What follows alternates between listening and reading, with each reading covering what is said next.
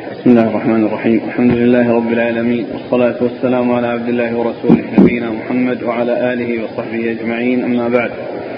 قال الإمام الحافظ أبو عيسى الترمذي رحمه الله تعالى قال في جامعه في كتاب الإيمان باب ما جاء في إضافة الفرائض إلى الإيمان.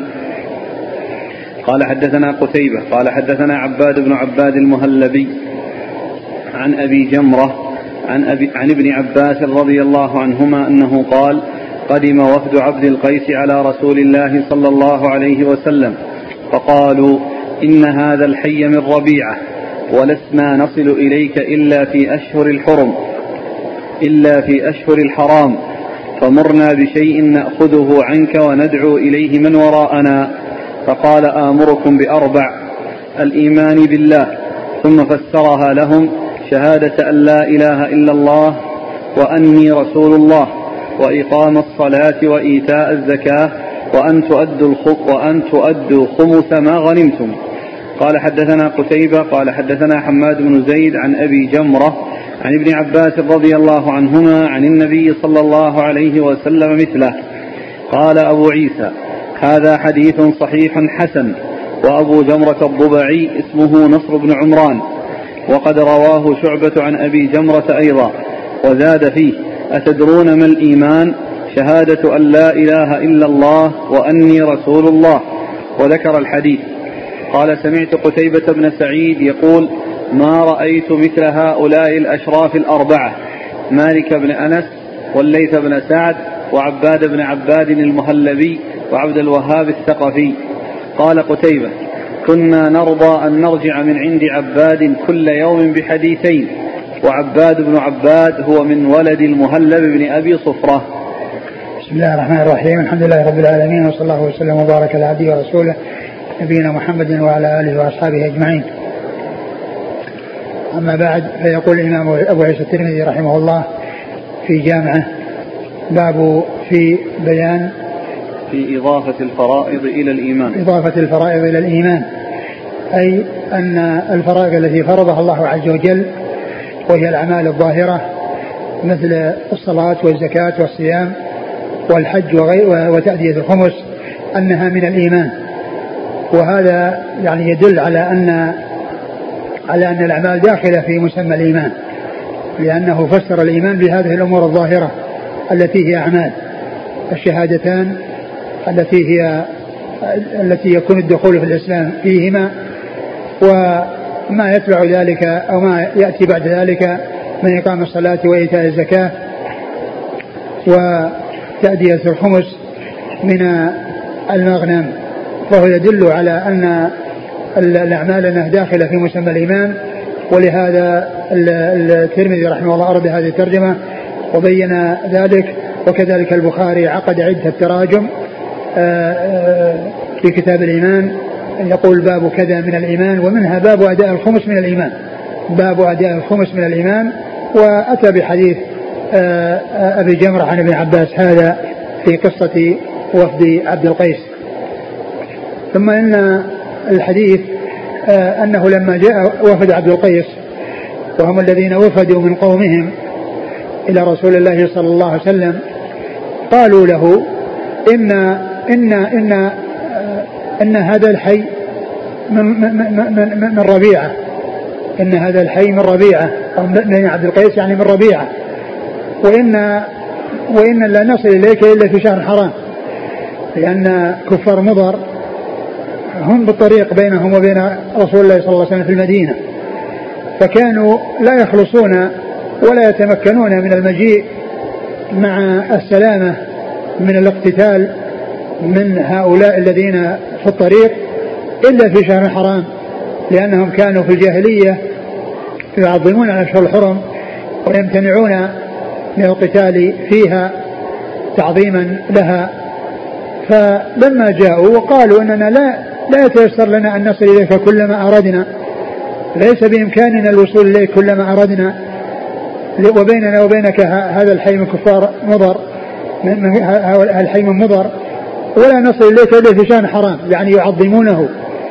فلا يحصل فيه الاقتتال ولا يحصل فيه الاعتداء. من بعضهم على بعض تعظيما للأشهر الحرم.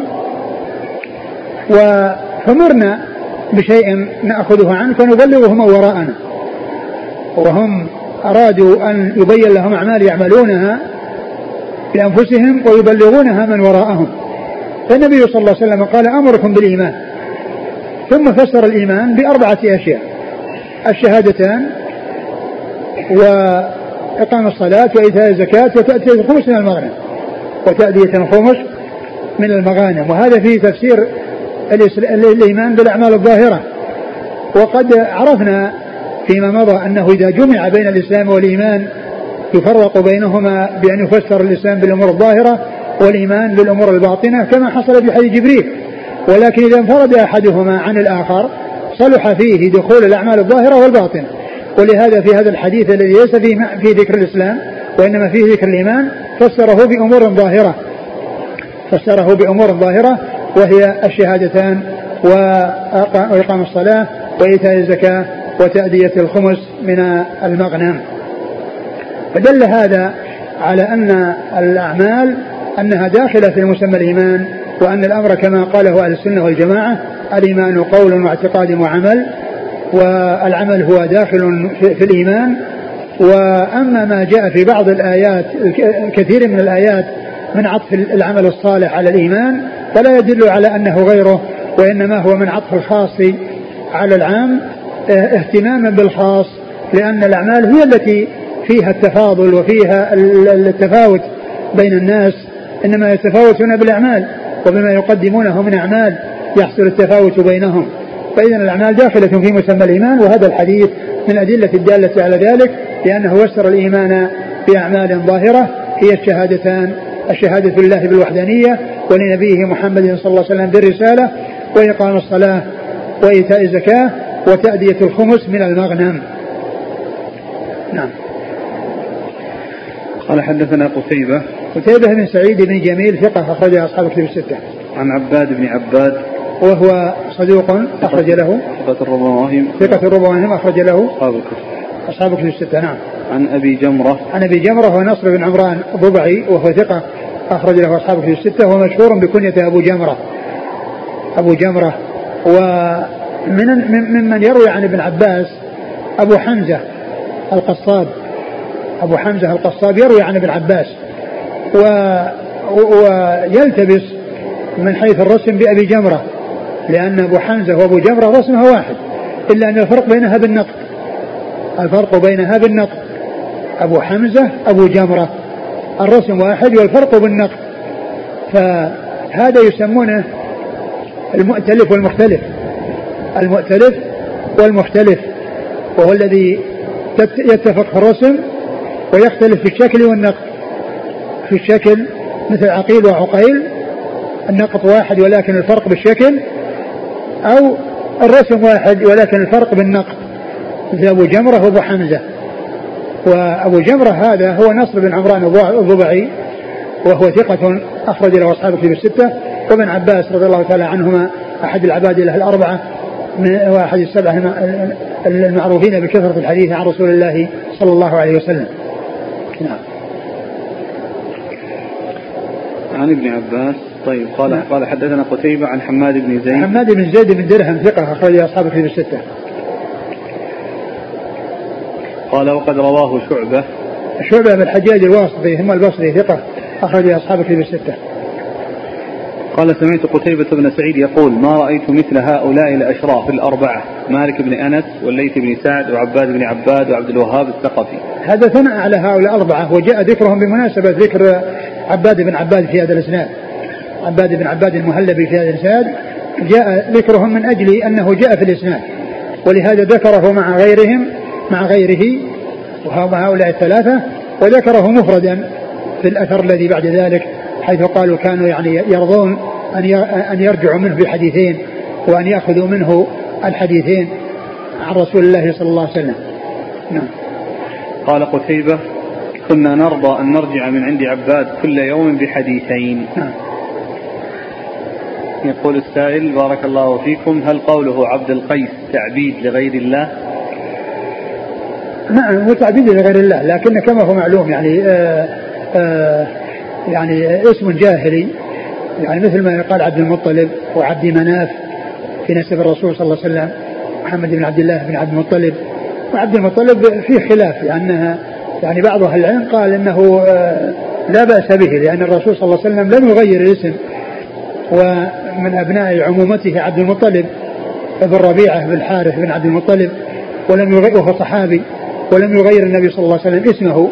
ولهذا قال ابن حزم في كتاب مراتب الإجماع أجمعوا على تحريم كل اسم معبد لغير الله حاشا عبد المطلب. أجمعوا على تحريم كل اسم معبد لغير الله حاشا عبد المطلب. محمد بن عبد الله بن هاشم بن عبد مناف ابن عبد مناف فوجود يعني آه، كونه ينسب يعني نسب يعني جاهلي هذا لا يدل على جوازه في الإسلام لأن الإسلام جاء بمنع التعبيد لغير الله عز وجل.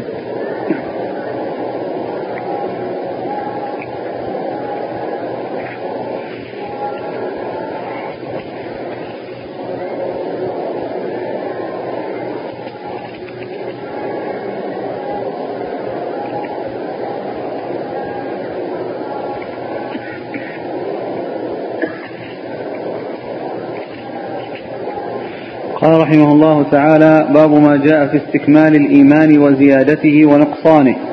قال حدثنا أحمد بن منيع البغدادي قال حدثنا إسماعيل بن علية قال حدثنا خالد بن الحذاء عن أبي قلابة عن عائشة رضي الله عنها أنها قالت قال رسول الله صلى الله عليه وآله وسلم إن من أكمل المؤمنين إيمانا أحسنهم خلقا وألطفهم بأهله. قال وفي الباب عن أبي هريرة وأنس بن مالك قال أبو عيسى هذا حديث صحيح ولا نعرف لأبي قلابة سماعا من عائشة وقد روى أبو قلابة عن عبد الله بن يزيد رضيع لعائشة عن عائشة غير هذا الحديث وأبو قلابة عبد الله بن زيد الجرمي. قال حدثنا ابن أبي عمر قال حدثنا سفيان قال ذكر أيوب السختياني أبا قلابة فقال كان والله من الفقهاء ذوي الألباب. ثم ورد أبو عيسى باب في استكمال الإيمان وزيادته ونقصانه. الإيمان عند أهل السنة والجماعة آآ آآ هو قول وعمل قول واعتقاد وعمل يزيد وينقص. يزيد بالطاعة وينقص بالمعصية. يزيد بالطاعة وينقص بالمعصية وهذا هو الذي مشى عليه أهل السنة والجماعة. وقد جاء في ذلك الآيات والأحاديث يعني في زيادته ونقصانه. فجاء في القرآن وجاء في السنة جاء في القرآن آيات وجاء في السنة حديث تدل على زيادته زيادته. وجاء أيضا حديث تدل على نقصانه مثل آه، وذلك أضعف الإيمان. أخرج من فقان في قلب قلب ذرة من إيمان قال حبة من إيمان. وكذلك أيضا النساء ما رأيت من ناقصات عقل ودين. يعني فالدين هو الإيمان يعني في ففي حصول النقص فالناس متفاوتون في الإيمان ليسوا فيه على حد سواء. والإيمان يزيد وينقص. ويزيد بالطاعة وينقص بالمعصية. وزيادته ونقصه يكون بالأعمال ويكون أيضا فيما يقوم بالقلوب. لأن ما يقوم في القلوب يتفاوت. وليس كله على حد سواء بل الإنسان في بعض أحواله يكون ما في قلبه يختلف عما يكون في قلبه في وقت, في وقت آخر. فإذا التفاوت فيما يقوم في القلوب وفيما يقوم في الأعمال حاصل. حاصل والناس متفاوتون في الإيمان ليسوا على حد سواء متفاوتون فيما يقوم في قلوبهم وفيما يحصل من أعمالهم. وما يحصل من الأعمال هو هو مبني على ما يحصل في القلوب كما جاء في الحديث حديث البشير. ألا وإن في الجسد مضغة إذا صلح صلح الجسد كله وإذا فسد فسد الجسد كله ألا وهو القلب. وجاء عن عن بعض السلف أنه قال ليس الإيمان بالتحلي ولا بالتمني ولكنه ما وقر في القلوب وصدق في الأعمال.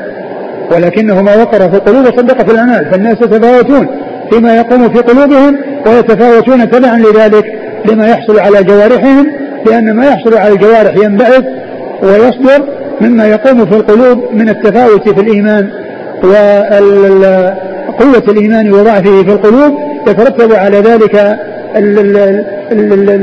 التفاوت في الأعمال الصالحة والحرص وعدم الحرص الحرص أو الضعف فيما يتعلق بالجد والاجتهاد في الأعمال الصالحة التي تقرب إلى الله عز وجل.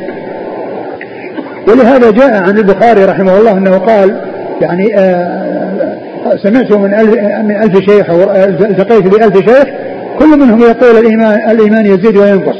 الإيمان قول وعمل يزيد وينقص يعني يزيد بالطاعة وينقص بالمعصية. فالناس متفاوتون في الإيمان كما هو كما هو واضح من دلالة الكتاب الكتاب والسنة وما كان عليه سلف هذه الأمة من هذه من هذه الأعداد الوفيرة التي هي آه هذا المقدار الذي هو ألف ألف شيخ. كلهم يعني يذكر عنهم البخاري أنهم يقولون أن الإيمان يزيد وينقص. ثم ورد هذا الحديث عن عائشة رضي الله عنها آه، أن النبي صلى الله عليه وسلم قال إن من أكمل الناس إيمانا أحسنهم خلقا وألطفهم بأهله. أحسنهم خلقا وألطفهم بأهله. أحسنهم خلقا يعني في معاملته ومخالقته للناس لأن المعاملة الحسنة للناس آه، إنما يدفع إليها الإيمان وما جاء به الإيمان وما آه، جاء فيه الدين من الحث على حسن الخلق وقد جاء في الحديث عن رسول الله صلى الله عليه وسلم أنه قال اتق الله حيثما كنت لما قال رجل أوصني قال اتق الله حيثما كنت وأتبع السيئة حسنة تمحوها وخالق الناس بخلق حسن. بين في هذا الحديث ما يتعلق بصلة الإنسان بربه وما يتعلق بصلته بنفسه وما يتعلق بصلته آه، بغيره.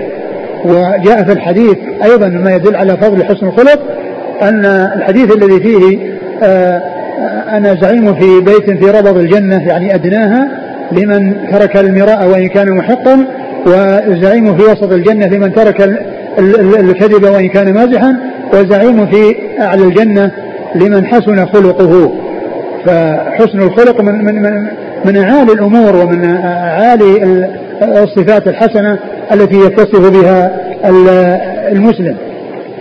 وكذلك أيضا كون المعاملة الحسنة تكون مع أهله وهم أولى الناس ببره وإحسانه ومعاملته الطيبة إن هذا من أهم المهمات. وأولى ما يكون على الإنسان لأنه يعامل أهله ويعامل غيره بالمعاملة الطيبة.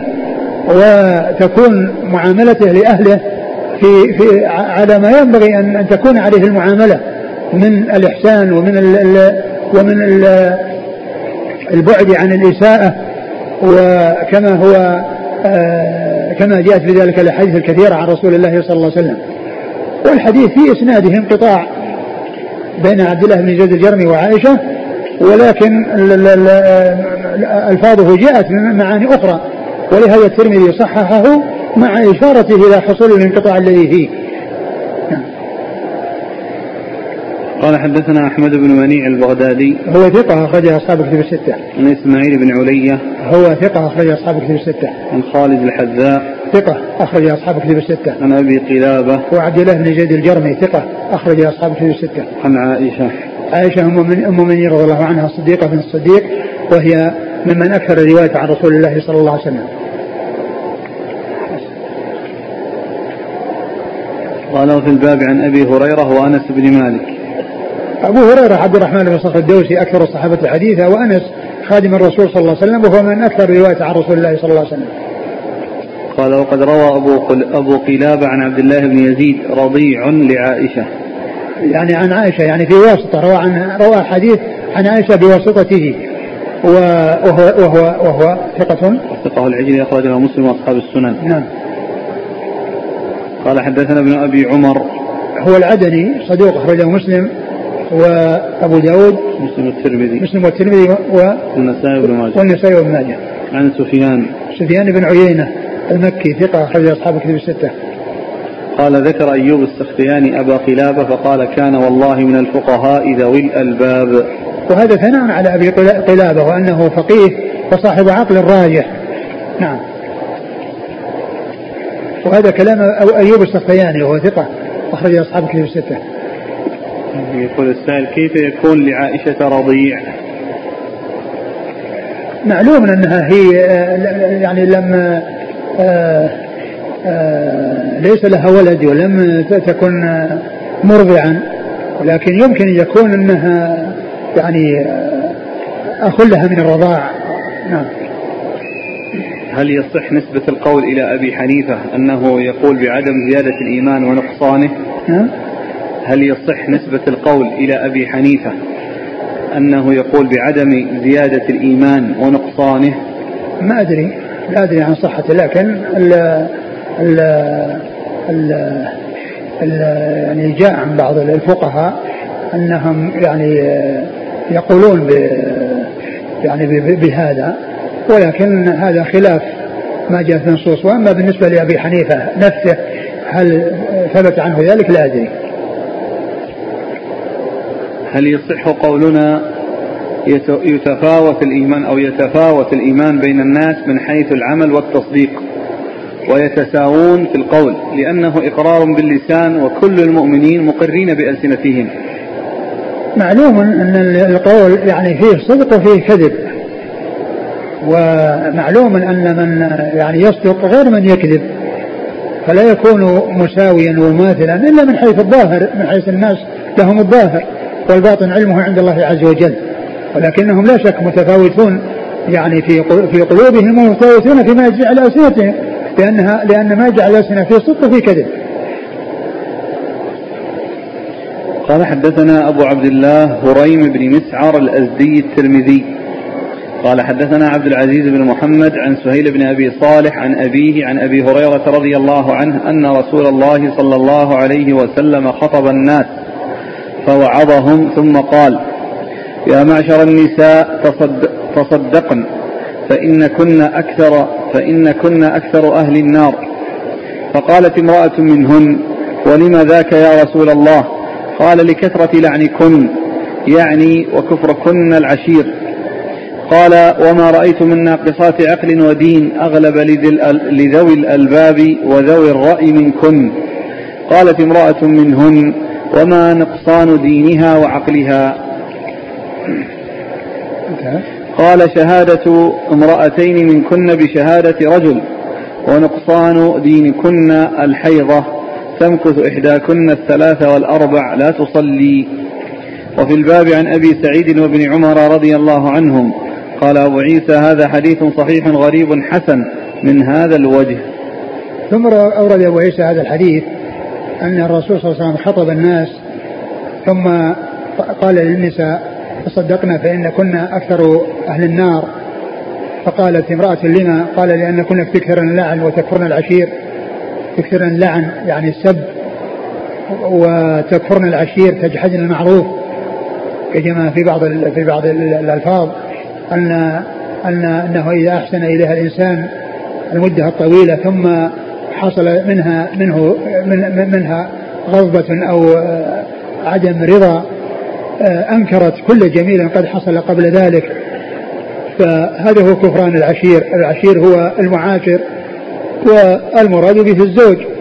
وكذلك يطلق على ما هو عام من الزوج لكن المراد به الزوج لأن الغالب أن أن أن الكفران العشير يكون مع الأزواج يكون مع الأزواج بحيث أنها آه، إذا سخطت نسيت كل جميل قد حصل قبل ذلك وصارت تسب وتلعن وتؤذي ويحصل منها البذاءة يعني في اللسان.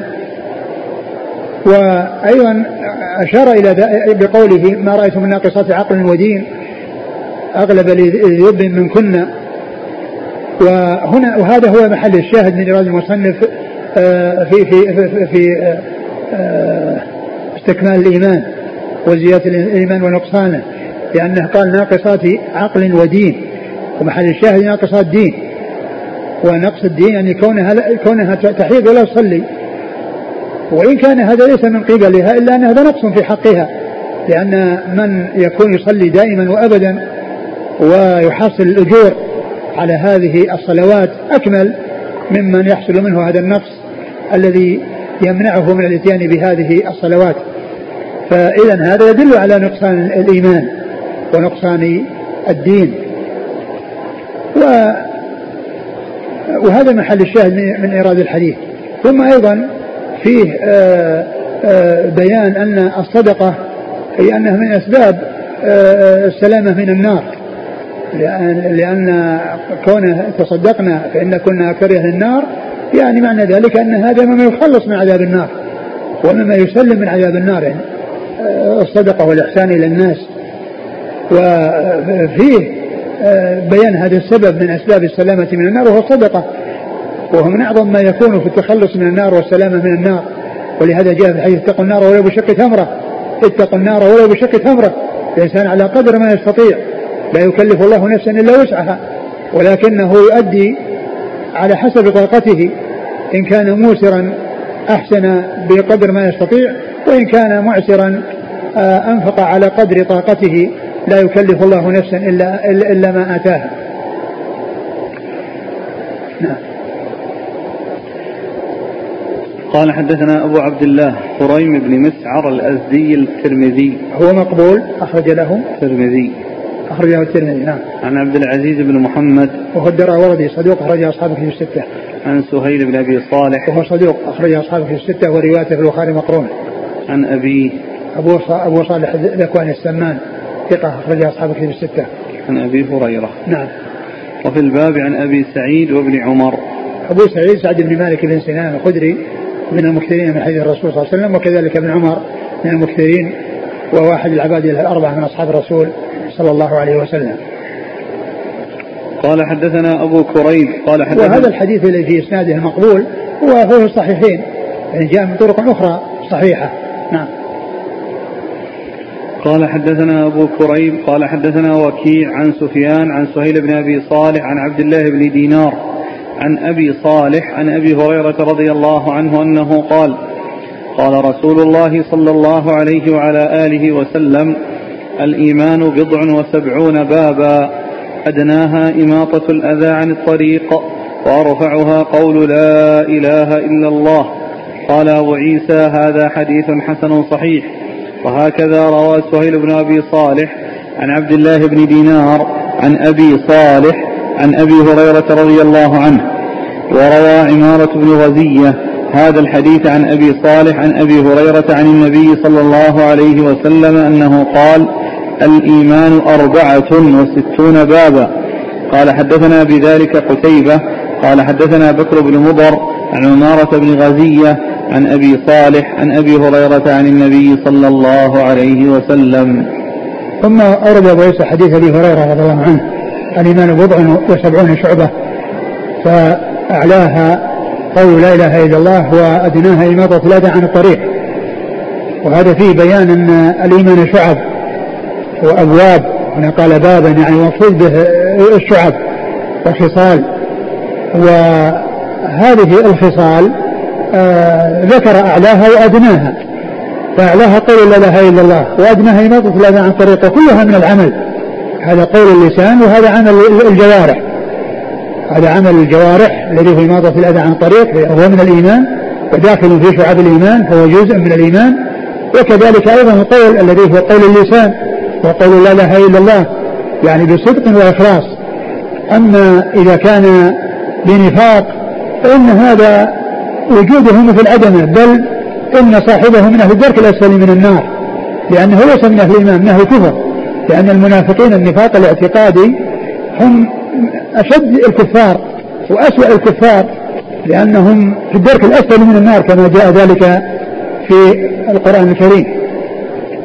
فهذا الحديث الحديث يدل على تعدد شعب الإيمان وعلى كثرتها وأن منها ما هو منها ما هو أقوال ومنها ما هو أفعال. وذكر أعلى شيء فيها وهو قول لا, لا إله إلا الله وهي كلمة الإخلاص التي كل عمل تابع لها ومن المعلوم أن كلمة الإخلاص لا بد معها من شهادة أن محمد رسول الله صلى الله عليه وسلم لأن لأن الشهادتين متلازمتان لا تنفك إحداهما عن الأخرى وكذلك أيضا التمثيل للأعمال التي هي من جملة الإيمان بأدناها وهو إماطة الأذى عن الطريق. فالإنسان يرى له شوك في الطريق أو يرى له حجر أو يرى له زجاج أو يرى حديد ومسامير أو يرى قطع من الأشياء التي يحصل فيها الانزلاق مثل غلاف الموز وأشباه ذلك فيزيل ما يؤذي الناس من طرقهم هذا من الإيمان وداخل تحت اسم الإيمان كما جاء في هذا الحديث عن رسول الله صلى الله عليه وسلم. وأما الرواية الأخرى التي فيها 64 فهي مخالفة في هذه الرواية التي هي 74 فهذه هي المحفوظة وليست 74 التي جاءت الرواية الثانية نعم قال حدثنا أبو كريب محمد بن العلاء بن كريب ثقة أخرج أصحاب الكتب الستة. عن وكيع وكيع بن الجراح الرؤاسي الكوفي ثقة أخرج أصحاب الكتب الستة. عن سفيان سفيان الثوري سفيان بن سعيد بن مسروق الثوري ثقة أخرج أصحاب الكتب الستة. عن سعيد بن أبي صالح عن عبد الله بن دينار. عبد الله بن دينار ثقة أخرج أصحاب الكتب الستة.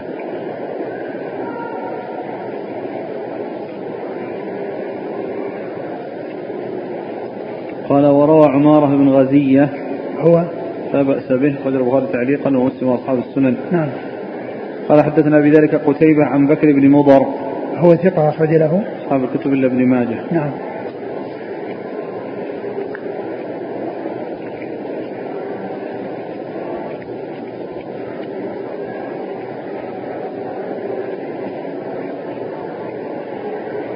قال رحمه الله تعالى باب ما جاء أن الحياء من الإيمان.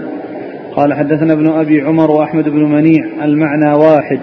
قال حدثنا سفيان بن عيينة عن الزهري عن سالم عن أبيه رضي الله عنه أن رسول الله صلى الله عليه وعلى آله وسلم مر برجل وهو يعظ أخاه في الحياء فقال رسول الله صلى الله عليه وسلم الحياء من الإيمان. قال أحمد بن منيع في حديثه إن النبي صلى الله عليه وسلم سمع رجلا يعظ أخاه في الحياء قال هذا حديث حسن صحيح. وفي الباب عن أبي هريرة وأبي بكرة وأبي أمامة رضي الله عنهم. ثم ورد باب الحياء من الإيمان. والحياء هو من الصفات والأخلاق الكريمة وهو يقوم بالقلوب ويترتب عليه عمل الجوارح. يعني إذا كان يستحي فإنه يعني ذلك يبعثه على أن يحسن المعاملة فيما بينه وبين الله وبينه وبين الناس. وإذا كان بخلاف ذلك فإنه يكون بخلاف ذلك ولهذا جاء في الحديث الذي رواه البخاري في صحيحه أن إن مما أدرك الناس من كلام النبوة الأولى إذا إذا لم تستحي فاصنع ما شئت. فقلة الحياء وعدم الحياء الحياء يترتب عليه الإساءة وعدم الانضباط وكون الإنسان يقدم على أمور منكرة لقلة حيائه وقلة مبالاته. ولهذا هذا مما توافقت عليه الشرائع واتفقت عليه الشرائع كما جاء في هذا الحديث إن ما أدرك الناس من كلام النبوة الأولى إذا لم تستحي فاصنع ما شئت. فوجود الحياء يعني في الإنسان يجعله يستحي من الله أن يراه حيث نهاه وأن يعمل على أن يجده حيث أمره وكذلك يستحي من الناس ومن أن يسيء إليهم ويحصل منه إساءة إليهم وإلحاق الضرر بهم فالحياء من شعب الإيمان. ولهذا جاء في بعض روايات الحديث الماضي الذي هو أعلاها قول الله إلا الله وأدناه ما الأداء وفيه والحياء شعبة من الإيمان. والحياء شعبة من الإيمان. فذكر يعني من عمل اللسان وعمل القلب وعمل الجوارح. قال حدثنا ابن أبي عمر وأحمد بن منيع عن سفيان بن عيينة عن الزهري الزهري محمد بن مسلم بن عبد الله بن شهاب الزهري ثقة أخرج أصحاب كتب الستة. عن سالم سالم بن عبد الله بن عمر وهو ثقة أخرج أصحاب كتب الستة. قال وفي الباب عن أبي هريرة وأبي بكرة وأبي أمامة. أبو بكر نفيع بن الحارث وهو صحابي أخرج أصحاب كتب الستة وأبو أمامة صدي بن عجلان الباهلي أخرج أصحاب كتب الستة.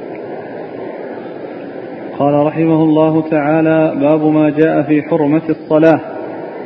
قال حدثنا ابن أبي عمر قال حدثنا عبد الله بن معاذ الصنعاني عن معمر عن عاص بن أبي النجود عن أب عن عاص بن أبي النجود عن أبي وائل عن معاذ بن جبل رضي الله عنه أنه قال كنت مع النبي صلى الله عليه وآله وسلم في سفر فأصبحت يوما قريبا منه ونحن نسير فقلت يا رسول الله أخبرني بعمل يدخلني الجنة ويباعدني من النار. قال لقد سألتني عن عظيم وإنه ليسير على من يسره الله عليه. تعبد الله ولا تشرك به شيئا وتقيم الصلاة وتؤتي الزكاة وتصوم رمضان وتحج البيت. ثم قال ألا أدلك على أبواب الخير؟ الصوم جنة والصدقة تطفئ الخطيئة كما يطفئ الماء النار. وصلاة الرجل في وصلاة الرجل من جوف الليل قال ثم تلا تتجافى جنوبهم عن المضاجع حتى بلغ يعملون. ثم قال ألا أخبرك برأس الأمر كله وعموده وذروة سنامه؟ قلت بلى يا رسول الله. قال رأس الأمر الإسلام وعموده الصلاة وذروة سنامه الجهاد. ثم قال ألا أخبرك بملاك ذلك كله؟ قلت بلى يا نبي الله. فأخذ بلسانه قال كف عليك هذا. فقلت يا نبي الله وإنا لمؤاخذون بما نتكلم به. فقال ثكلتك أمك يا معاذ وهل يكب الناس في النار على وجوههم أو على مناخرهم إلا حصائد ألسنتهم؟ قال أبو عيسى هذا حديث حسن صحيح. ثم قال أبو عيسى رحمه الله باب في حرمة الصلاة يعني في عظم شأنها وعلو منزلتها ولهذا أورد هذا الحديث الطويل من أجل أنه قال إنها عمود الإسلام يعني وصفها بأنها عمود الإسلام وهذا يدل على عظم شأنها وعلى أهميتها وأن شأنها في الإسلام عظيم وأنها بمنزلة العمود الذي يقوم عليه البنيان ففي تمثيل الأشياء المعنوية بالأشياء الحسية التي يتضح بها مدى آه مدى عظم شأن المشبه حيث اتضح بالمشبه به الذي آه واضح أهمية العمود بالنسبة للمشبه به اللي هو الشيء الحسي.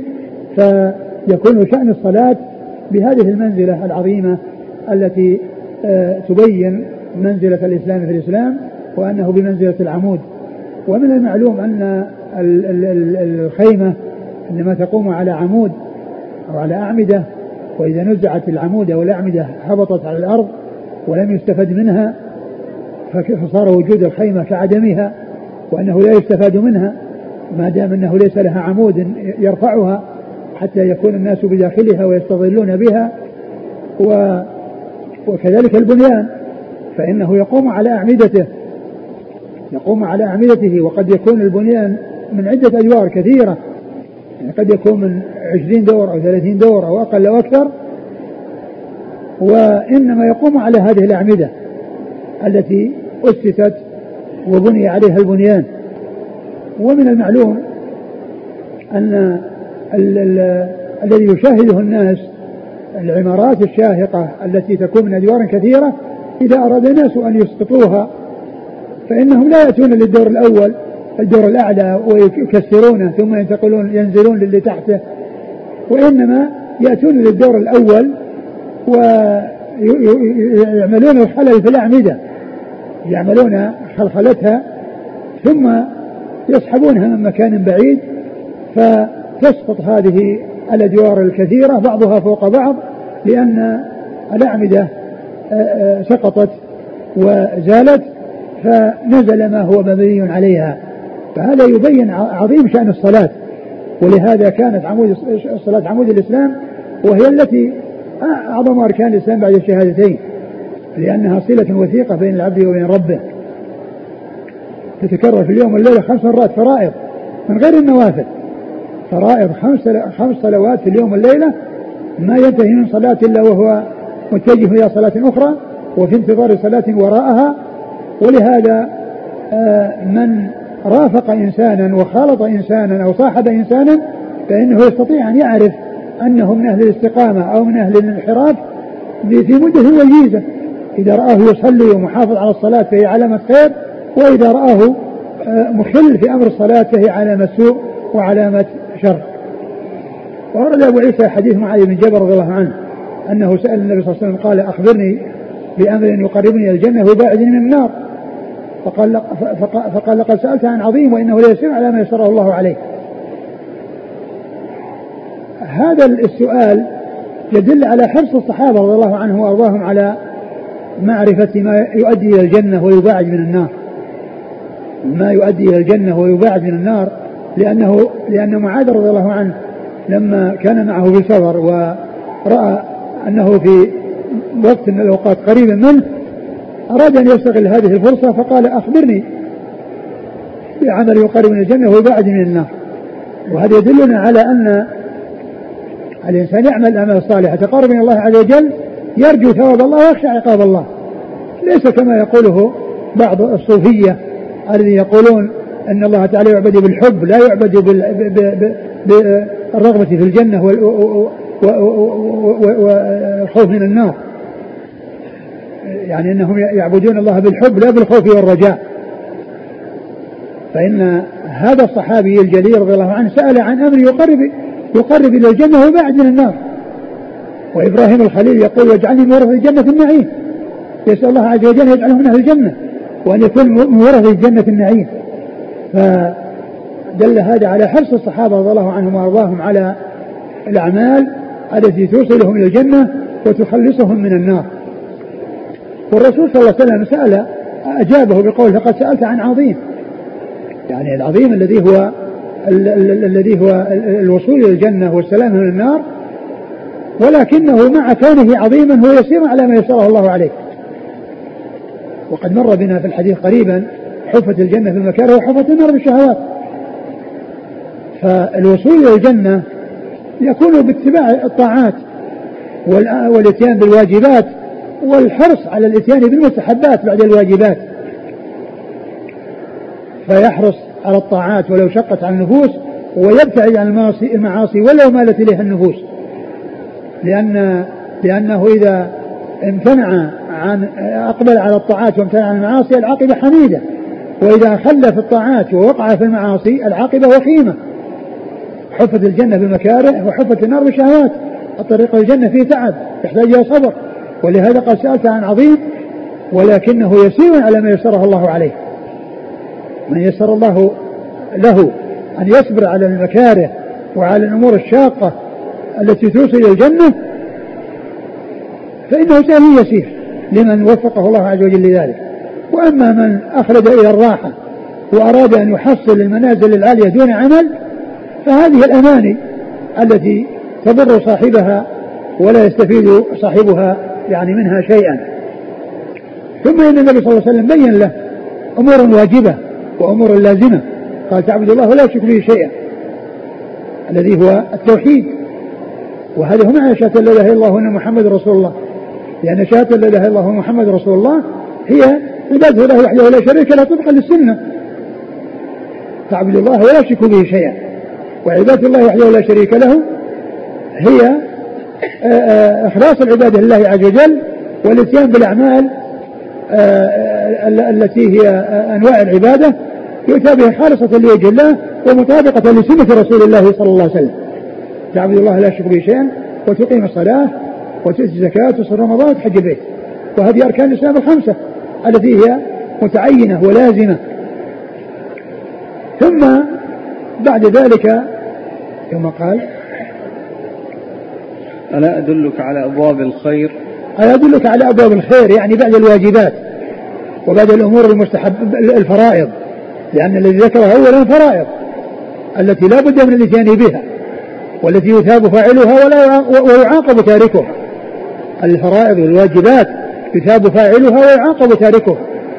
قال أدلك على أبواب الخير يعني وهي الصدقات والنوافل في العبادات وذكر له آه، فيما يتعلق بالصلاة وفيما يتعلق بالصيام وفيما يتعلق بالصدقة. والمقصود من ذلك النوافل لأن الفرائض مرت في الحديث في, القسم الأول الذي هو إقام الصلاة وإيتاء الزكاة وصيام رمضان. الفرض مر في القسم الأول لكنه أراد أن يضيف إلى الفرائض الأمور المستحبة التي هي أبواب الخير. وأبواب القربات التي يتنافس فيها المتنافسون. لأن الفرائض مطلوبة من الجميع ومتعينة على الجميع ولا بد الإنسان أن يأتي بما هو فرض الله عليه ويتقرب الله عز وجل بالأعمال الصالحة من النوافل كما قال سبحانه وتعالى في الحديث القدسي وما وما تقرب إلي عبدي بشيء أحب إلي مما افترضته عليه. ثم قال ولا ولا يزال عبدي يتقرب إلي بالنوافل حتى أحبه. فإذا أحببته كنت سمعه الذي يسمع به وبصره الذي يبصر به الحديث. فذكر صلى الله عليه وسلم في أول الحديث بيان الأشياء المفروضة اللازمة المتعينة التي لا ليس لأحد آه، آه، آه، تركها بل من يأتي بها يثاب ومن لا يأتي بها يعاقب. ثم ذكر أبواب الخير ومثل بهذه الأمثلة الثلاثة. قال و و و الصوم جنة. والصوم جنة. الصوم جنة والجنة هي الوقاية التي يتقى بها كما يتقى السهام بالمجن والمغفر الذي يكون على الرأس والمجن الذي يكون على الصدر وعلى جسد الإنسان من الدروع التي هي تمنع آه، وصول السهام إلى الجسد. الصوم جنة وهو وقاية والجنة هي الوقاية. وهو جنة في الدنيا وجنة في الآخرة. الصوم جنة في الدنيا وجنة في الآخرة. أما كونه جنة في الدنيا فإنه يمنع من المعاصي يمنع من الزنا والوقوع في الأمر الحرام. ولهذا الرسول صلى الله عليه وسلم أرشد من لا يستطيع الزواج أن يصوم. قال عليه الصلاة والسلام في الحديث المتفق عليه عن ابن مسعود يا معشر الشباب من استطاع منكم الباء فليتزوج فإنه أحسن للفرج وأغض للبصر ثم قال ومن لم يستطع فعليه بالصوم. فإنه له وجه يعني مثل الخصام. لأنه يضعف الشهوة. لأن الأكل والشرب والتنعم هو الذي يقوي الشهوة في الإنسان. ولكن إذا أن الأكل والشرب بسبب الصيام ضعفت القوة عنده. فصار ذلك سببا في سلامته من قوة الشهوة التي قد تدفعه إلى أن يقع في أمر محرم. فإذا الصوم جنة في الدنيا من المعاصي والوقوع في المعاصي. ومن المعلوم أن الجنة من المعاصي هي جنة من النار وأيضا هو جنة في الآخرة من النار لأن لأن الرسول صلى الله عليه وسلم قال من صام يوما في سبيل الله بعد الله وجهه عن النار سبعين خريفا. من صام يوما في سبيل الله بعد الله وجهه عن عن النار سبعين خريفا فهذا يدلنا على أنه كما أنه جنة في الدنيا من الوقوع في المعاصي أيضا جنة في الآخرة وأنه يبعد من النار كما جاء في هذا الحديث الصحيح عن رسول الله صلوات الله وسلامه وبركاته عليه. و, و... بعدين. والصدقة تطفئ الخطيئة كما يطفئ والصدقة تطفئ الخطيئة كما يطفئ من الماء النار. يعني تزيلها وتقضي عليها كما أن الماء إذا جاء على النار أخمدها وقضى عليها فهي تطفئ الخطيئة. وجاء في الحديث الآخر اتقوا النار ولو بشق تمرة. اتقوا النار ولو بشق تمرة. فهو يعني يمنع من الوقوع في النار ويطفئ الخطايا ويخلص منها. ومن المعلوم أن الخطايا التي يخلص منها بفعل الطاعات هي هي الصغائر. وأما الكبائر فإن الذي يخلص منها التوبة منها. يخلص منها التوبة منها. وأما الصغائر فإنها تكفر بالأعمال الصالحة. كما قال الله عز وجل إن إن الحسنات يذهبن السيئات.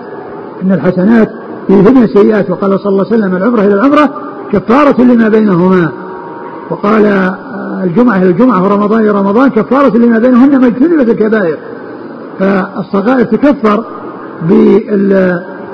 بالأعمال الصالحة وكذلك أيضا الكبائر تكفر مع التوبة عنها فإنها تكفر فإذا الإنسان صام لله أو حج لله وقد تاب من جميع الذنوب والمعاصي فإن فإن ذنوبه الكبيرة والصغيرة تكفر وأما إن كان مصرا على المعاصي فإن الصغائر هي التي تكفر آه، بفعل الطاعات ولكن الكبائر لا يخلص منها إلا التوبة منها. ومعلوم مما يشاهده الناس أن القضاء على النار وإخماد النار لم يكن بالماء وهذا يبين أن التخلص من الذنوب والمعاصي أنه يحصل بالصدقة كما أن الماء يحصل منه إخماد النار فكذلك الصدقة بالنسبة للخطايا وتكفيرها وأن ذلك إنما هو في الصغائر وأما الكبائر فمع التوبة منها. وصلاة الرجل في جوف الليل. يعني أن صلاة الليل هي أفضل الصلاة كما جاء في الحديث الصحيح. إن أفضل الصيام بعد رمضان صيام المحرم وخير الصلاة أو أفضل الصلاة بعد بعد بعد المفروضة أيام الليل. وخير الصلاة وأفضل الصلاة بعد المكتوبة أيام الليل. فهذا أيضا يعني يبين أن أن صلاة الليل يعني أنها من من أفضل الأعمال وأجل الأعمال التي يتقرب بها إلى الله سبحانه وتعالى. نعم. ثم ثم تلا تتجافى جنوبهم عن المضاجع حتى بلغ يعملون. نعم. ثم قال ألا أخبرك برأس الأمر كله وعموده وذروة سنامه ثم قال ألا أخبرك برأس الأمر كله وعموده وذروة سنامه ثم بين أن رأس الأمر الإسلام وعموده الصلاة وذروة سنامه الجهاد في سبيل الله.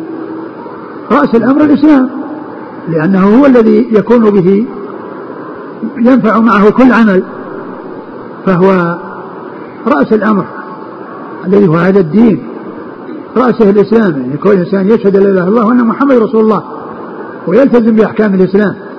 وعموده الصلاة. عمود الإسلام الصلاة. عمود الأمر وعمود الإسلام الصلاة. لأن لأن لأنه يقوم عليها ما ما يحمل عليها كالقيام وكالبنيان فإنه يقوم على الأعمدة فكما أن البنيان والخيام لا تقوم إلا على أعمدة فكذلك الدين لا يقوم إلا بالصلاة. وعموده الصلاة. ثم قال وذروة سنامه الجهاد في سبيل الله الذي هو السنام الذي هو أعلى ما يكون من البعير. ف يعني هو مثاله أنه في القمة لأن هذا هو الذي فيه ظهور الإسلام وعلو الإسلام وغلبة المسلمين لغيرهم إذا جاهدوا في سبيل الله بعد أن يجاهدوا أنفسهم.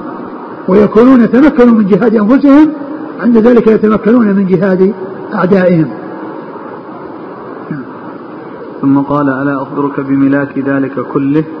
قلت بلى يا نبي الله. ثم قال لا أخبرك بملاك ذلك كله الذي هو كالطابع على ما تقدم وأن يعني شأنه عظيم. ثم أخذ بلسان نفسه وقال كف عليك هذا. يعني كف عليك لسانك.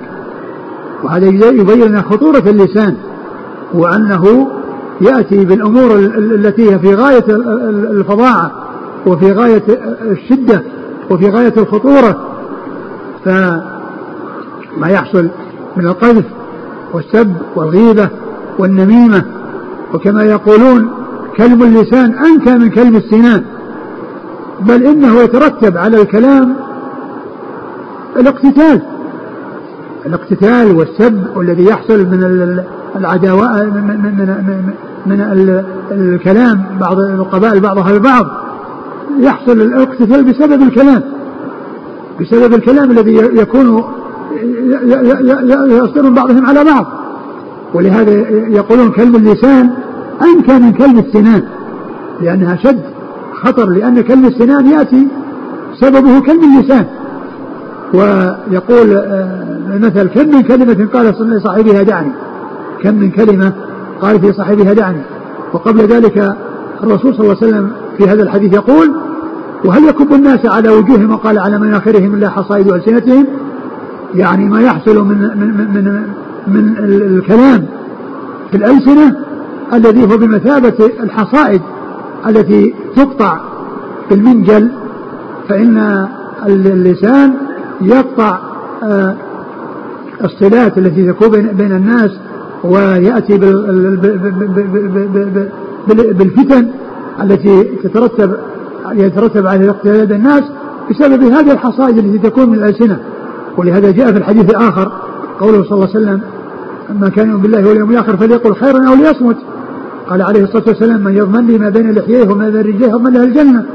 ما بين لحييه يعني اللسان وما بين رجليه الفرج. من يضمن لي ما بين لحييه وما بين رجليه أضمن له الجنة. كل هذا يبين لنا خطورة اللسان وأنه وأنه في غاية الخطورة وأنه هو الذي يوصل الإنسان إلى العطب وإلى الهلاك. نعم.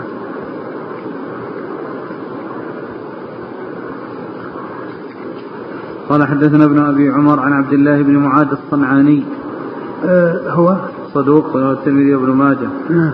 عن معمر.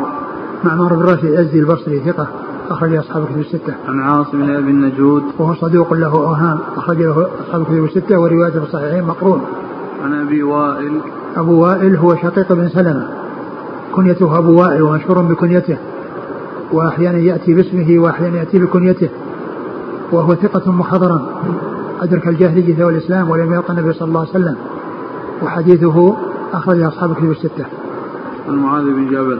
عن معاذ بن جبل رضي الله تعالى عنه أخرج له أصحاب كتب الستة. قال حدثنا ابن أبي عمر قال حدثنا عبد الله بن وهب عن عمرو بن الحارث عن دراج أبي السمح عن أبي الهيثم عن أبي سعيد رضي الله عنه أنه قال قال رسول الله صلى الله عليه وعلى آله وسلم إذا رأيتم الرجل يتعاهد المسجد فاشهدوا له بالإيمان. فإن الله تعالى يقول إنما يعمر مساجد الله من آمن بالله واليوم الآخر وأقام الصلاة وآتى الزكاة. قال أبو عيسى هذا حديث غريب حسن.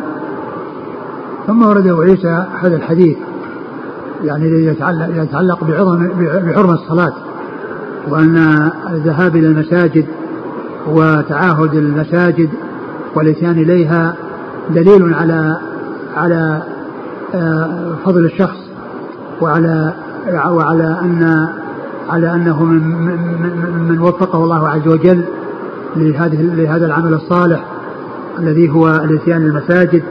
وقد جاء في الحديث أن من السبعه الذين يظلهم الله في ظله رجل معلق قلبه في المساجد يعني معناه أنه على صلة وثيقة في المسجد إذا خرج منه يفكر متى يرجع إليه. فهو دائما قلبه مع المسجد وفي المسجد.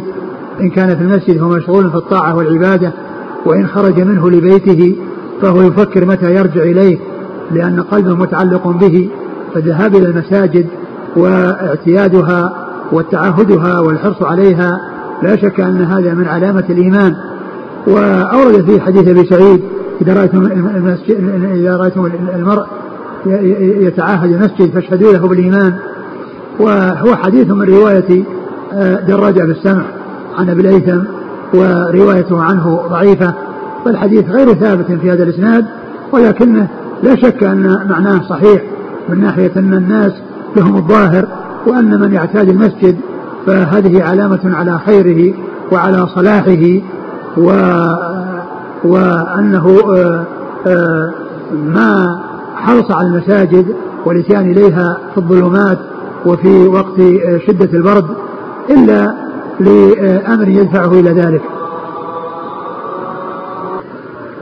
الحديث بهذا الإسناد ضعيف ولكن لا شك أن آه، اعتياد المساجد والمحافظة على صلاة الجماعة آه، هو محافظة على واجب من الواجبات الشرعية وهو علامة خير ودلالة على يعني آه، حسن ما يقوم به من حصل منه. ولكن الحديث بهذا الإسناد ضعيف نعم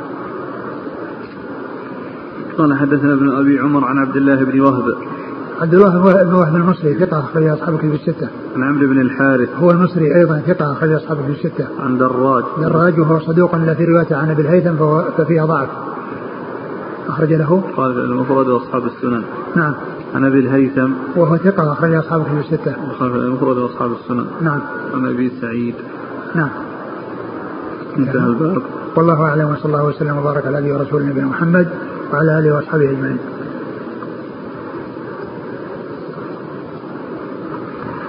جزاكم الله خيرا وبارك الله فيكم. ألهمكم الله الصواب ووفقكم للحق. ونفعنا الله بما سمعنا وغفر الله لنا ولكم وللمسلمين أجمعين. آمين. يقول السائل سمعت من بعض أهل العلم بأن الآية هذه إنما يعمر مساجد الله من آمن بالله واليوم الآخر. لا تشهد للحديث لأن الحديث فيه شيء زائد وهو الشهادة بالإيمان. والآية فيها الذي يعمر المساجد هو هم أهل الإيمان وليس فيها اشهدوا له بالإيمان. فما الحديث كما هو ضعيف ولكن العمارة تكون حسية وتكون معنوية. والعمارة الحسية إنما كانت من أجل العمارة المعنوية ما حصلت العمارة الحسية التي هي بناؤها ويعني إنفاق الأموال فيها إلا من أجل العمارة المعنوية التي هي الاتيان إليها للصلاة والصلاة فيها والذكر وقراءة القرآن. فالآية تشمل ما يعني ما دل عليه الحديث من ناحية أنه يعني آه، آه، الاعتياد على المساجد أن هذه عمارتها وأيضا تشمل آه، بناءها وتمكين الناس من الصلاة فيها وتهيئتها للمصلين بالاتيان بما يريحهم وبما يمكنهم من أداء العبادة. يعني في هذه المساجد من إقامتها ومن الإتيان بالخدمات التي يحتاج إليها فيها. لأن كل هذه الأمور الحسية هي من أجل الأمور المعنوية التي هي الصلاة فيها وذكر الله عز وجل وقراءة القرآن والتقرب الله عز وجل فيها بالأعمال الصالحة. يقول هل استعمال هذه المصطلحات جنس العمل شرط صحة أو شرط كمال وغيرها فيه مخالفة لما كان عليه السلف من التقيد بالألفاظ الشرعية وما رأيكم في من يقول لابد من استعمال هذه الألفاظ وهذه المصطلحات في مقام الرد على أهل البدع؟ الحق في هذا أن الأعمال أنها جزء من الإيمان وأنها من الإيمان والإيمان هو قول واعتقاد وعمل. فالواجب هو الاتيان بهذا الذي درج عليه السلف هذه الأمة من بيان أن الإيمان قول واعتقاد وعمل. وأن وأنها جزء من الإيمان وأنها ليست يعني أشياء مكملة وإنما الأعمال تتفاوت منها ما هو شيء لا بد منه ومنها ما هو كمال لكن هي جزء من الإيمان سواء ما كان منها آه، يعني آه، أصلا أو ما كان منها مكملا. السؤال عن التعبير عن هذا المعنى. نحن نقول إن الأعمال نقول كما قال السلف قول واعتقاد وعمل والعمل جزء من الإيمان. نعم.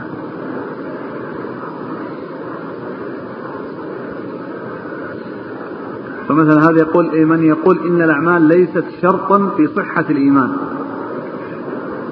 كلمة الأعمال هذه شرطا يعني الذي درج عليه السلف أنها جزء من الإيمان والشرط معلوم أنه شيء خارج عن الإيمان لأنه آه، خارج عن الماهية لأن الجزء مثل أركان الصلاة أركان الصلاة هي داخل الصلاة وأما الشروط فهي خارج الصلاة هي خارج الصلاة. فالأعمال هي داخلة في الإيمان وهي من الإيمان نفسه وليست شيئا خارجا عن الإيمان. ما الفرق بين قول القلب وعمل القلب؟ ثم قول اللسان وعمل اللسان. القلب يعني كما هو معلوم فيه تصديق وفيه عمل. فيه تصديق وفيه عمل. والعمل مثل ما مر بنا الحياء هذا من من أعمال القلوب. الخشيه من أعمال القلوب. التوكل من أعمال القلوب. الرجاء من أعمال القلوب. وما يقوم في القلب من التصديق ومن الإيمان هذا هو الأساس. وأما الأشياء الأخرى فهي من أعمال القلوب وهي الناس يتفاوتون فيها. قول اللسان وعمل اللسان. قول اللسان آآ آه، آآ آه، النطق به.